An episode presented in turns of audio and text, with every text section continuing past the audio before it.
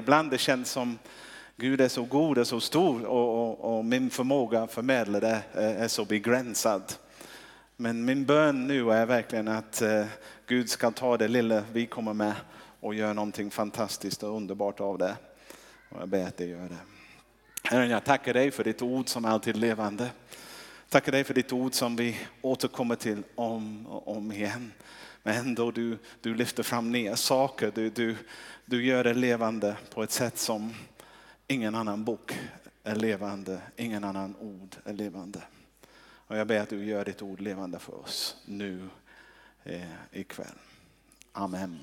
Amen. Texten som eh, eh vi ska börja läsa är taget från Romarbrevet 11. Eh, från vers 33 till 36.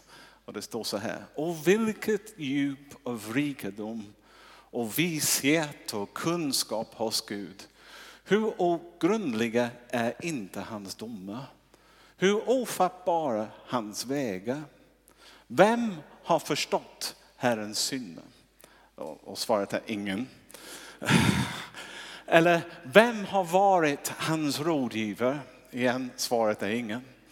Eller vem har gett honom något först så att han måste betala igen? Och svaret är egentligen ingen. Och sen kommer en underbar vers som jag kommer fastna på nu. Lite. Av honom, genom honom och till honom är allting. Hans är äran i evighet. Amen. Av honom, genom honom och till honom är allting. Hans är äran i evighet. Amen. En bibelord till som kommer nu i början också. Från Johannes 3, 20, 27. Det var bra, va? Johannes svarade, en människa kan inte ta sig något utan att dess ges henne från himlen. Amen. Okej, okay. amen. Så här är det. Det sättet vi tar emot vår frälsning är det sättet som vi fortsätter leva vårt liv med Jesus. Eh, det är samma princip. Eh, det är en gåva och vi fortsätter att ta emot en gåva. Vi blir inte frälst på grund av en dag vi vaknade och tänkte att jag känner mig härlig idag. Eller det solen skiner, jag tror jag ska bli kristen idag.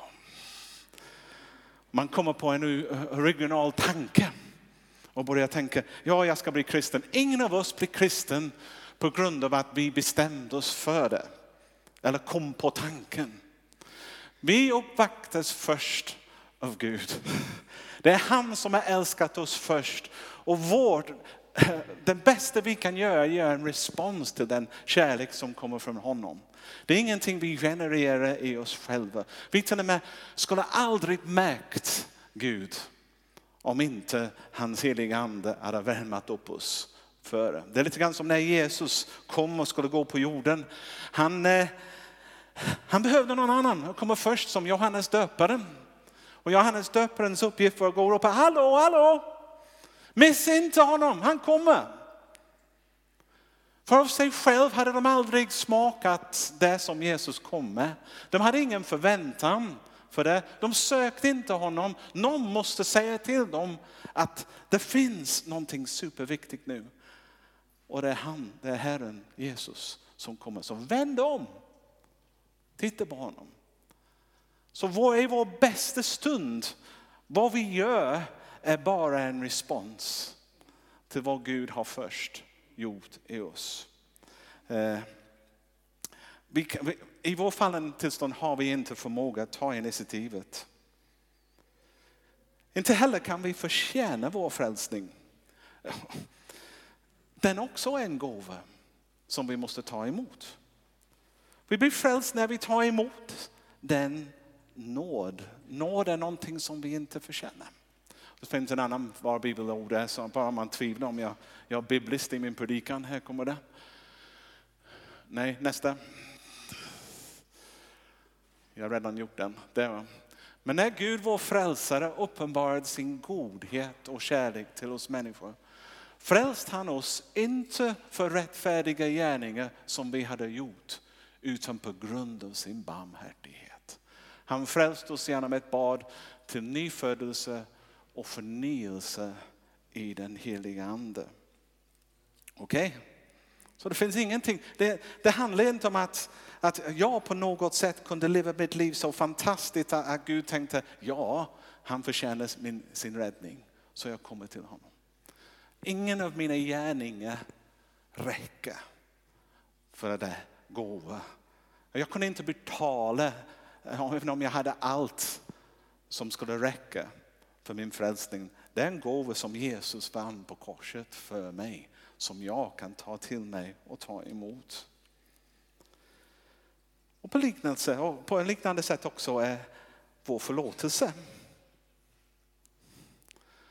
Vi tar emot vår förlåtelse. Jag, jag måste säga, jag tror att jag får minst två samtal varje vecka av människor som har svårt att tro att de är förlåtna. Och samtalet brukar gå så här att eh, ja, men, men jag, jag vet att Gud förlåter, men, men min synd eh, är annorlunda. Jag visste precis vad jag skulle göra. Ändå gjorde jag det. Så Gud kan inte, vara, det är okej okay för de som gör misstag. Eller de som, som snubblar och faller på något sätt. Men, men jag, fullt medveten, jag visste vad jag gjorde var fel. Så hur kan Gud förlåta mig för det? Alltså det, det är precis storheten i förlåtelse. Vi får det inte på grund av att någon av oss förtjänar det, bara för att Gud älskar oss. Vi får förlåtelse för det här. Det är lite grann som mina döttrar, jag har tre döttrar. Jag, jag kan inte inte älska dem. Jag kan inte inte förlåta dem. Det går inte. De kan ha gjort mig vansinnigt ibland med någonting och sen de kommer och de säger förlåt, jag kan inte. Nej, det går inte. För hela mitt hjärta vill ha en relation med dem. Men hela mitt hjärta vill bara deras bästa. Hur skulle jag kunna på något sätt inte förlåta? På en liknande sätt också kan man säga frid. Ja, ja, man kan längta efter frid ibland. Vi lever i, i, i svåra tider ibland. Det kan vara mycket stress runt omkring oss. Det kan vara oroliga saker som händer i världen. Och det är lätt att vi flyttar allt detta inombords också. Och vi börjar tänka, snart kommer vi alla dö, jorden kommer gå under. Det finns och vi förstör miljöer eller då är det krig eller då jag vågar inte gå ut på natten för att det finns så mycket våld och sånt. Och man kan börja tänka på allt detta. Och, och Bibeln säger frid är ingenting som man försöker, ah, jag får inte tänka på det, jag får inte tänka på det. Jag tänker inte på det, jag tänker inte på det. Ja, och, och då, då, lugn. Nu, nu, nu. Nu har jag frid, frid, frid. Vi tar emot frid som en gåva. Vad står det? En bibelord till. Vad säger Jesus? Frid lämnar jag åt er. Min frid ger jag er. Jag ger inte det som världen ger. Låt inte era hjärtan oroas och tappa inte modet. Jag hade någon, jag hade ett samtal igår kväll med, med någon som var lite orolig över saker. Jag sa, nu, du får tänka att, att Gud ger dig den frid nu i en låda som sitter i din knä. Jag säger, nu jag vill att du kliver in i den lådan. Det är Guds frid, det är en gåva till dig. Du kan leva utifrån den gåva. Eller du kan lämna den gåvan åt sidan och leva i oro. Men du måste ta emot den frid som Herren ger. Du kan inte skapa det själv. Så om vi ska leva som kristna, hela vårt kristet liv egentligen är att, att först vi börjar genom att ta emot vår frälsning.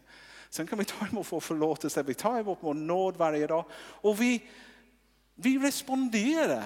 Och när vi responderar då, då börjar vi leva. Då går det till. Svårare än det är det inte. Livet som kristen fortsätter på samma sätt som det började när vi tar emot Jesus. Alltså, och det är den enkla regeln för det. Du tänker, hur ska jag leva som kristen? Jag måste göra det, jag måste göra det, jag måste göra allt möjligt. Nej, du måste inte göra något. Det enda du måste göra är att ta emot det som Gud ger och hålla dig så nära honom som du bara kan. Och där ligger arbetet. Inte någon disciplin på att man ska försöka vara smart på något sätt. Det går så här. Gud tar initiativet, han initierar, vi svarar. Gud ger igen och vi tar emot igen. Och sen Gud ger igen och vi tar emot igen. igen. Och det är bara, det, det livet i Kristus är ett liv som utgår ifrån honom, från honom, genom honom och till honom. Inget mer är det. Jag tycker det, det är så enkelt jag kan säga det just nu. Och det finns ett, ett bibelord också för det, Johannes 1 och 12. Men åt alla som tog emot honom gav han rätten att bli Guds barn. Och de som tror på hans namn. Det är den att ta emot igen. Det är Jesus som är attraktiv i oss. När vi har tagit emot Jesus, Jesus kommer in och han förenar sig med vår ande och på bibliska sätt är vi en ny skapelse. När vår ande möter Guds ande, Jesu ande, då händer någonting och där finns Jesus. Han är inte där borta längre, han har flyttat in i oss. Och det är hela, om du läser Johannes evangeliet, lärjungarna var oroliga när Jesus sa att han ska lämna dem. Men hela tiden han försökte säga, var inte orolig, jag kommer inte lämna er. Jag lämnar er fysiskt. Men jag kommer igen. Och jag kommer, istället för att vara hos er, jag kommer vara i er. Och när Jesus tack vare den helige Ande bor i våra hjärtan, vi är en ny skapelse, vi blir kristen. Och den relationen mellan Gud och oss börjar fungera. Och då börjar det bli ett, en, en, en samtal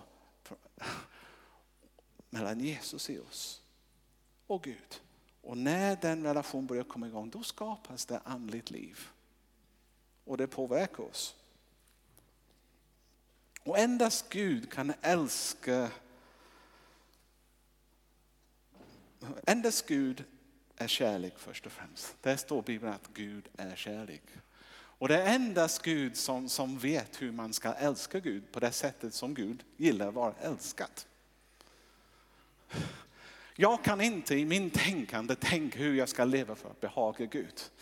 Men när jag har Jesus i mig genom den helige Ande, då talar han om för mig hur jag ska leva för att behaga Gud. Och vad jag ska göra. Och svaret egentligen att följa Gud är bara att göra det som Jesus säger inom mig och följa den ledning som han ger.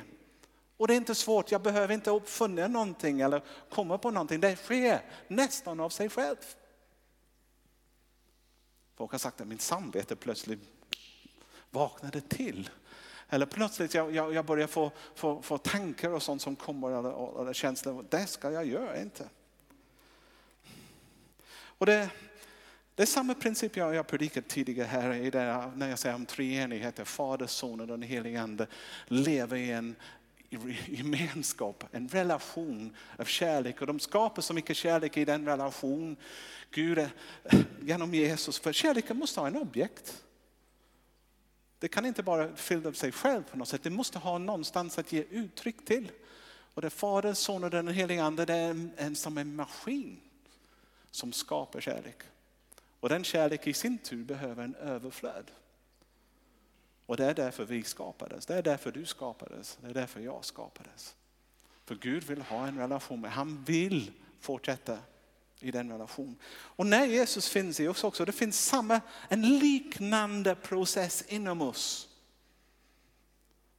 Från honom, genom Jesus i oss, genom våra ande och sen går det tillbaka igen också.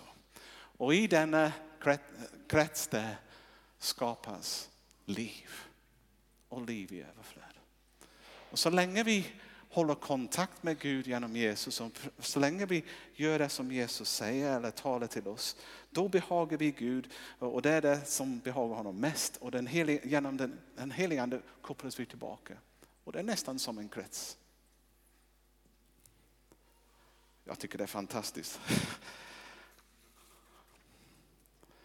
Jag skrev i min anteckning, det är som, i, det, det som sker i himlen återspeglas och återskapas i oss människor. Gud älskar Jesus i oss och han responderar till Jesus i oss. Och vårt inre liv skapas i denna guddriven gemenskap. Och eftersom Jesus finns i oss finns det ingen anledning till att tro att du kan gå utanför honom eller på något sätt. Varför ska jag oroa mig om att eh, oh, i morgondagen, om han har lovat att alltid vara hos oss, så han måste vara där. Och istället för att vända mig bort och börja oroa mig för saker och ting, kanske jag behöver bara leva i det gemenskap som han har gett mig. Istället för att förflytta mig någon annanstans. Så det finns ingen anledning till det mesta som vi bekymrar oss i Kristus, i livet. Och vi behöver inte göra något för att komma dit. Du behöver inte gå på en kurs. Du behöver inte läsa hur många sidor Bibeln. Du behöver inte göra något. Det enda du behöver göra är ta emot det. Ta emot det. Ta emot det. Om du tar emot det, då kommer det göra sitt verk och det kommer ske av sig själv. Så vem har sagt att vara kristen är jobbigt? Till och med barn kan bli kristna. Till och med barn kan ha en relation med Gud. Du behöver inte en högskoleutbildning för det. Men denna relation mellan Jesus i oss, i vår ande från Gud, också börjar skapa eh, en överflöd i oss som också måste få sin uttryck. Och den uttryck också kallar jag för andligt liv. Och det måste på något sätt arbetas utåt.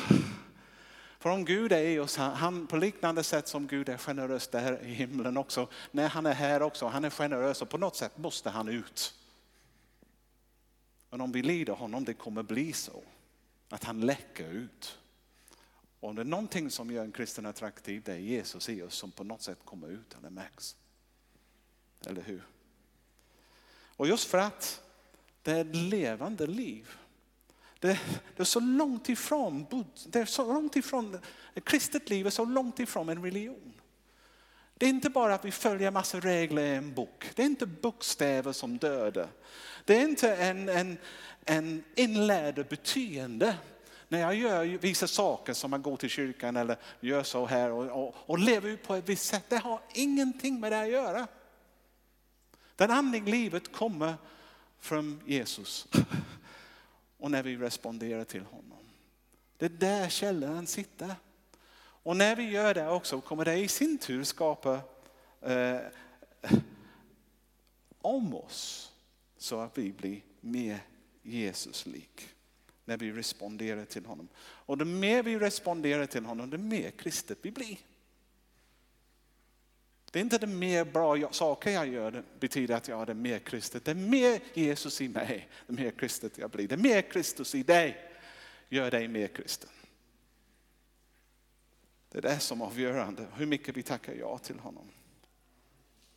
Och vår respons till det är avgörande. Och Gud förväntar inte att vi gör en massa saker för att behaga honom. Han har ingen förväntan. Och vi kommer på dumma saker ibland. Vi tänker att vi måste göra det. Vi måste, måste, måste. Vi måste ingenting. Vi måste hålla oss nära honom. Vi måste lyssna till honom. Vi måste ta emot. Men det är inte massa saker. Ibland är det så korkat som jag, jag tänkte, tänka, hur kan jag ge en exempel? Denna exempel är den bästa jag kunde komma på. Tänk att jag jobbar här i kyrkan och jag vet att Karin är hemma, min fru. Och jag vet att hon väntar för mig.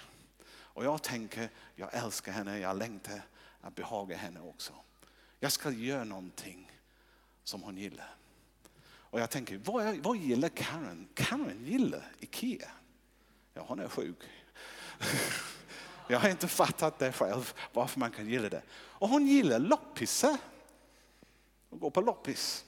Så tänk om jag tänker, jag, jag, vill, jag vill visa min kärlek till henne. På väg hem ska jag gå runt Ikea. Hon är fortfarande hemma och väntar för mig, men jag tänker, jag ska visa min kärlek till henne att jag har gått runt Ikea. Jag har gått till och med två gånger runt Ikea. Och när jag kommer hem till henne säger jag har gått till Ikea till dig. Jag har varit en duktig pojke, eller hur? Tror du att hon gillar mig mer för att jag har gjort det? Eller jag säger, åh, jag hann också två loppisar också.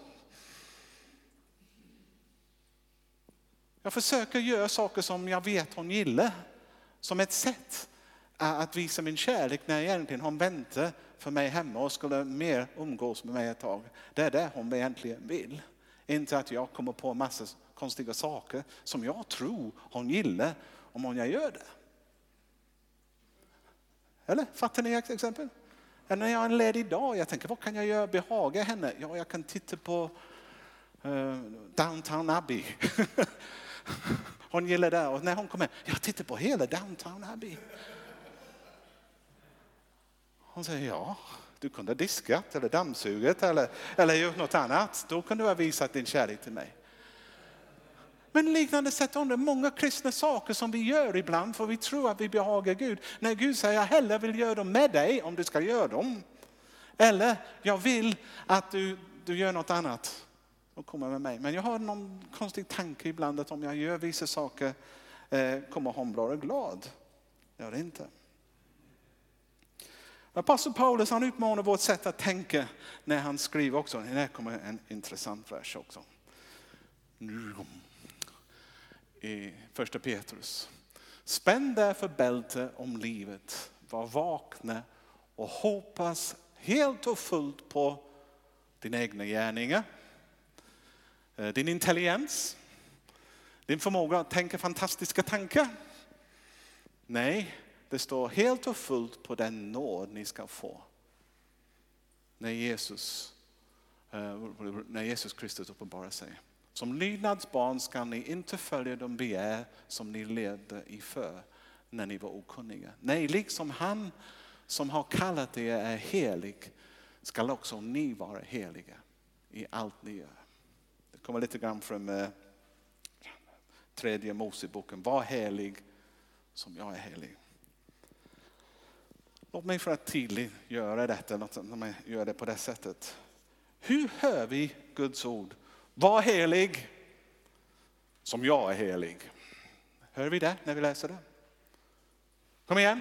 Var helig, säger Gud, för jag är helig. Är det hur det är i texten? Och du tänker, hur ska jag vara helig? Ja, helig, då kanske jag kan gå lite så här. Kanske jag kan klä mig som en munk. Kanske jag kan lyfta händerna ibland och när jag hälsar på och säger Shalom Jakob. Nej, det är det. Du kan inte, det finns inget sätt som vi kan vara helig som han är helig i oss själva. Tänk om det istället det, det är mer som här och jag säger till Kevin. Tänk om Gud säger detta på oss, att han, han bara går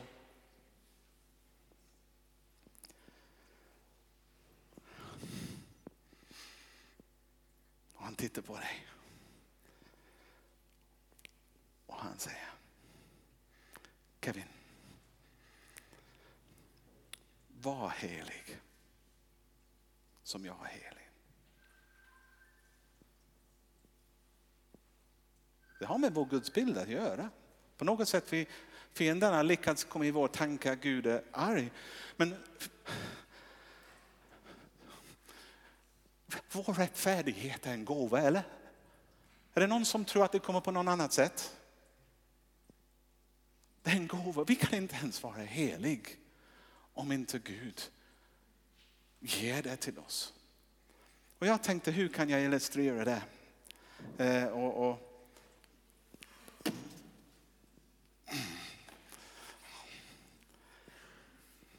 Det är min gåva. Jag har tagit emot det. Förlåt att det är svart, det är inte bra illustration men jag hittade ingen vit låda i kyrkan. Det är en god gåva. Herren har gett det, det är min helighet. Jag går runt med denna låda. Jag är duktig, jag har tagit emot det. Jag gav inte det tillbaka till honom.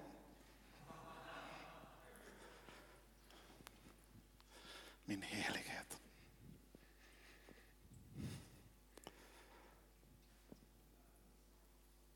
Kanske jag skulle öppna det.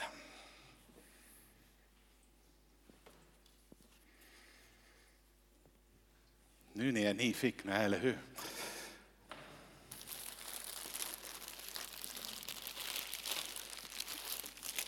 Jag har en ekopåse, men det är inte sko.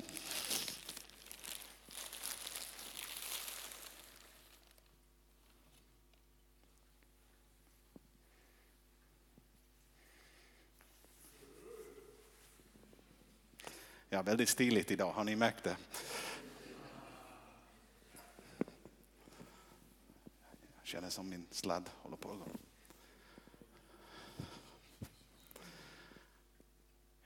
Jag klä på min helighet. Jag klär på mig Kristus.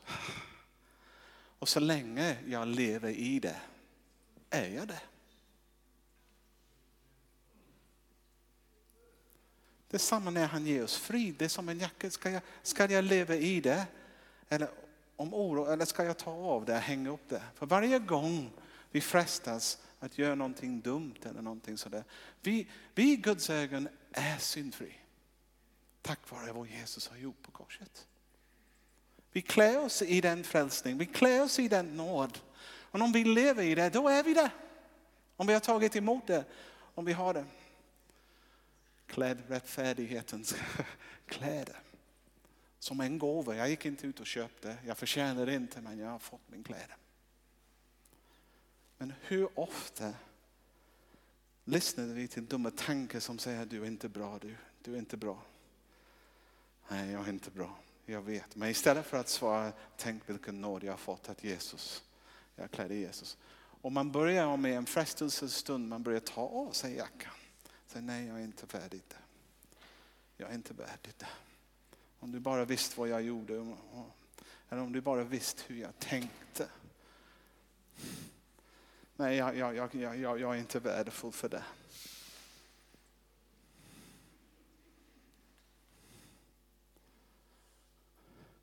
Och detsamma med Guds frid. Nej, nej det, det är för stora problem här. Jag kan inte, men Gud säger, men ta på mig min frid, leva ur det. Min förlåtelse.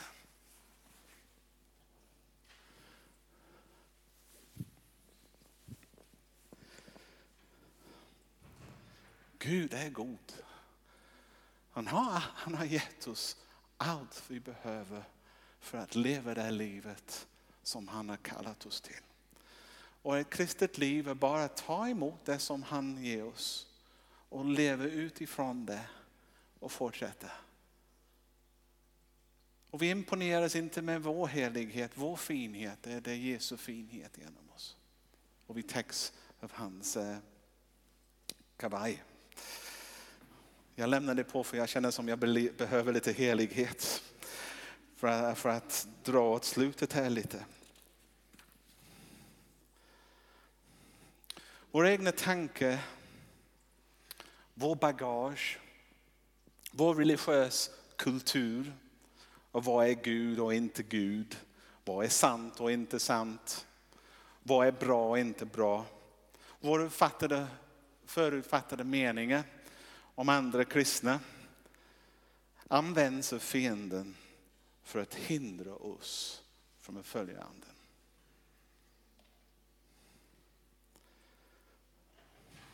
Den enda egentligen Gud begär av oss är att det som han ger till oss vi använder. Och ibland vi försöker gå i en tjänst som vi inte är rustad för. Ibland vi försöker göra saker som vi inte kallar för. Jag kan vara avundsjuk på andra. Jag tänker, jag önskar att jag kunde sjunga som, som Lovisa, så jag ska gå och sjunga där och leda lovsång istället. Det, det är min ambition. Men Gud säger, jag har inte gett dig det. Gåva. Jag har gett dig någonting annat. Men om jag skulle försöka vara någon annan, eller jag skulle försöka vara Jakob. Ja, ja, så låg vill jag inte komma.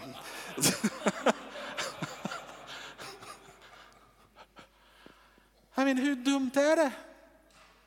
Gud har skapat oss alla originaler.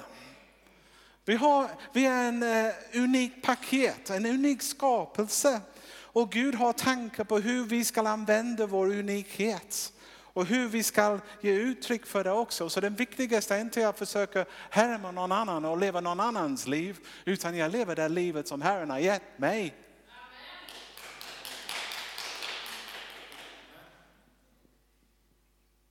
Istället för att jämföra mig med andra och bli frustrerad att jag kan inte nå upp till det eller, någonting, eller något annat. Istället för att tänka, men Gud, jag kan bara prestera det som han har gett mig först.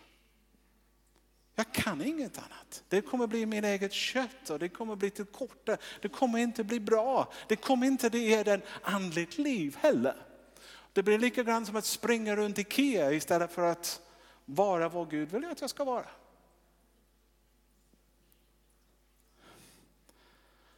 Men jag, jag tycker vi tänker fel ibland. Vi tänker att oh, det är på det sättet som jag behagar Gud, när det är inte. Eller vi tänker, Gud kanske säger till oss i sin ande, jag vill att du går och träffar, men de, jag, jag, ber, jag kan be om förlåtelse en gång. En gång jag, jag upplevde att Gud sa att jag skulle gå och prata med någon från pingst. Och i min högmod jag tänkte, men de är pingstvänner. Nu har jag många pingstvänner. Men ärligt sagt, jag, jag erkänner det som, jag skäms för det.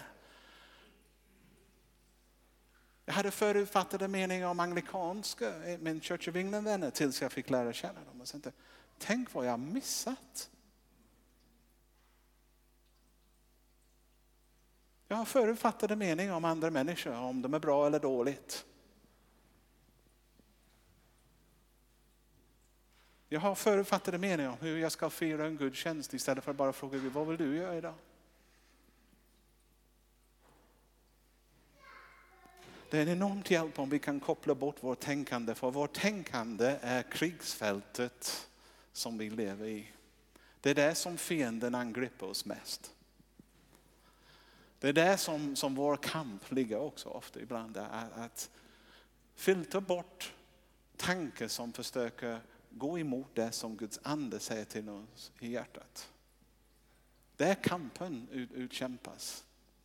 Och det är därför i Romerbrevet, jag började läsa Romarbrevet 11, om vi fortsätter att läsa till Romarbrevet 12, det är så, uh, vi, vi behöver förnyas genom vår synnets förnyelse. Vi behöver Gud att tänka hur vi tänker på. Så, så ibland, vi, vi, vi, till och med, vi kan inte ens be vet ni, om inte Gud ger oss en bön. Det är vad det står, att be i Jesu namn. Det betyder vi ber ut det som Jesus har redan lagt i våra hjärtan. Hur många gånger har jag bett för saker som, som egentligen Jesus har sagt nej till? Och jag bara går och ber och ber. Eh, jag gav ett exempel här i veckan om att en gång jag hade en flickvän som gjorde slut på mig. Hur kunde hon göra det, tänker jag. Men de, hon, flera gjorde det, jag lovar.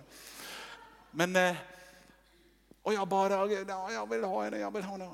Hela tiden nu, lite efteråt, jag vet att han hade någon annan mycket bättre väntande. Men jag bara bad och bad. Och det finns ett bibelord i Romarbrevet 8 där som vår ande suckar med ord. Eh, vad, det, vad är det? det står anden själv vädjar för oss med suck utan ord. står det. På engelska det My spirit groans. Och, och, så här tror jag det när jag börjar be fel ibland. Och jag kan be fel. Jag ber för saker som Gud vill inte. Min ande bara går, åh nej. Åh, åh. Vad gör han den dumskallen? Och här är vi igen. Han har fastnat. Och sen hela tiden hela försöker leda mig till jag kommer in på, på tankarna. Sen, sen när jag börjar be efter vad Jesus vill i mitt liv. Det kan vara, jag vill ha ett jobb en, en annanstans och jag vill ha det och jag ber och jag vill ha det och sen nej jag har något annat. Och sen till slut kommer man till Gud, Gud jag är beredd att gå in i det som du vill att jag ska gå in i. Ingen annan. Och sen finns det en min ande istället för denna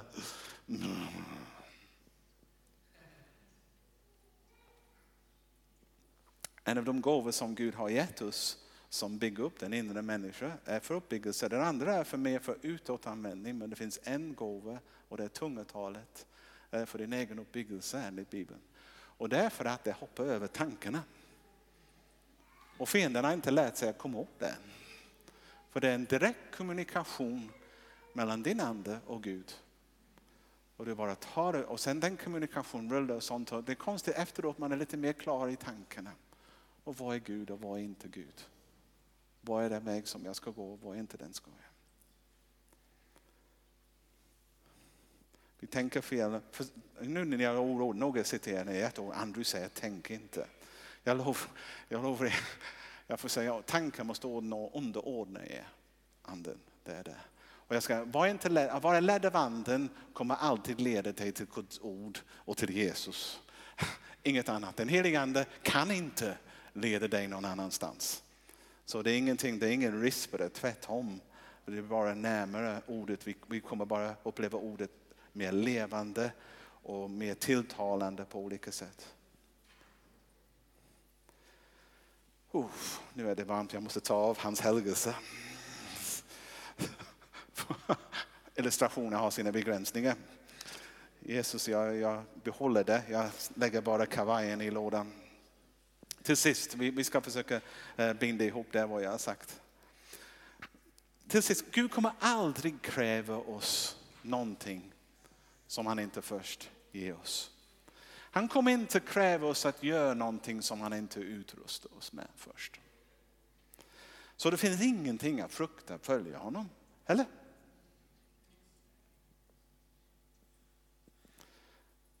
Jag säger det till även evangelisation. Om Gud har lagt någon människa på ditt hjärta att prata med, du kan garantera att han måste ha lagt eh, någonting på dem också. Du bara responderar till det som Gud har redan gjort. Vad är, vad är skrämmande i det?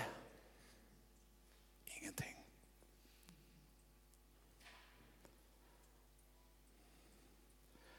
Sista bilden är nästan så, det är som en, en lampa.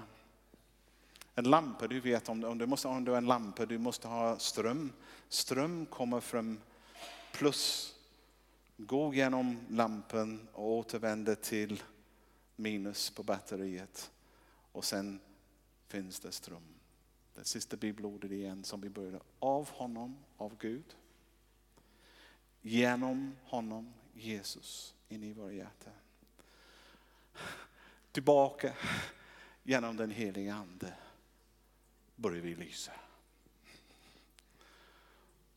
Och det är precis vad Gud vill att vi gör. Han vill inget annat än vi lyser för honom. Och du behöver inte jobba och tända. Du behöver bara ta emot och koppla in med honom. Ja, det var så enkelt jag kunde säga det. Hoppas att eh, det landar i. För jag vill säga, vi ska gå och be om en stund med, men jag ska säga några av er är för hård mot er själva. Ni jämför er med andra och tänker, jag, jag faktiskt fick, det, ärligt, det, det var jag upplevde i torsdags kväll efter vår gudstjänst. Jag gick ut och jag träffade Kevin. Och jag, Gud visade mig någonting Kevin och, och, och så, jag är jätteglad för Kevin. Jag upplevde att Gud sa. Han ropade till mig rätt så mycket. Han är lite hård på sig själv för han, han tycker inte han uppnår alla de kristna beteenden som man skulle leva ut.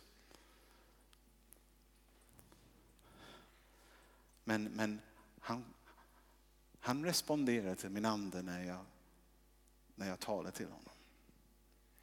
Och sen när jag gick över gatan till garaget, jag frågade Gud, ropar jag till, ja till dig lika mycket som Kevin? Och jag upplevde Gud säga, mm, det finns en förbättringsmöjlighet där. Och du är faktiskt, Andrew, du, det finns mer risk att du litar på din, eh, din vanor och beteende som du har lärt dig under många år. Än att du, än att du vänder till mig på det sättet som Kevin gör. Så jag tänkte idag när jag träffade jag ska tacka honom för jag har tänkt mycket på det under veckan. Att jag är en risk, vi som har varit kristna länge, vi, risken är att vi tappar denna nörd. Att, att, att vända oss till, till Gud på det sättet. Och, och jag, Kevin, du är för hård mot dig själv när du missar alla de grejer som du tittar på mig ibland och tycker jag har livet nästan det är inte det som är livet. Det, det som du har på livet är det som Gud gör i ditt hjärta nu. Och som går.